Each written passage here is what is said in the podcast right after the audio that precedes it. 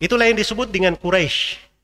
Nah, dari sini bisa dipahami sebuah makna yang agung tentang surah Quraisy ini.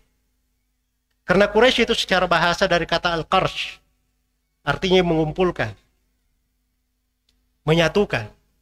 Makanya orang-orang Quraisy itu banyak para pedagang. Disebut Quraisy karena mereka banyak para pedagang mengumpulkan harta. Banyak dari kekayaan mereka.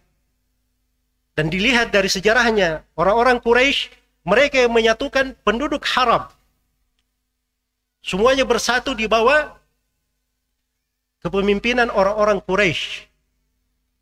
Nah, itulah keberadaan orang-orang Quraisy dari masa dahulunya sampai kepada Qusay bin Kilab. Iya, selalu menyatukan manusia.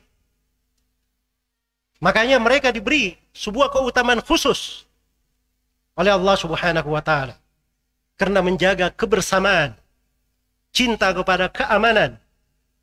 Orang-orang yang mempersatukan manusia.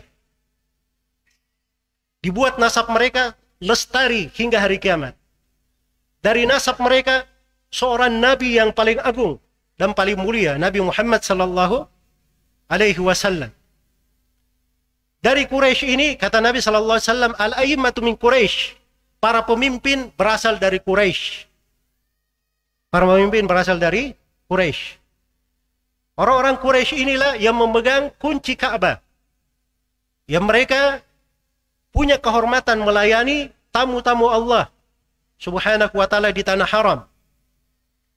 Orang-orang Quraisy ini diturunkan untuk mereka satu surah khusus dibaca hingga hari kiamat.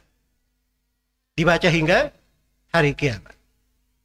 Maka ini sebuah keutamaan yang sangat besar. Diambil darinya pelajaran yang sangat berharga.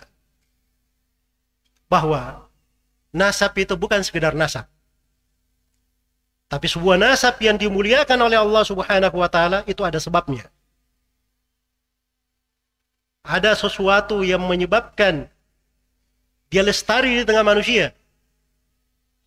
Makanya seorang yang ingin penyebutannya tetap indah, harum di tengah manusia, dia juga harus membuat sesuatu yang baik pula di dalam syariat.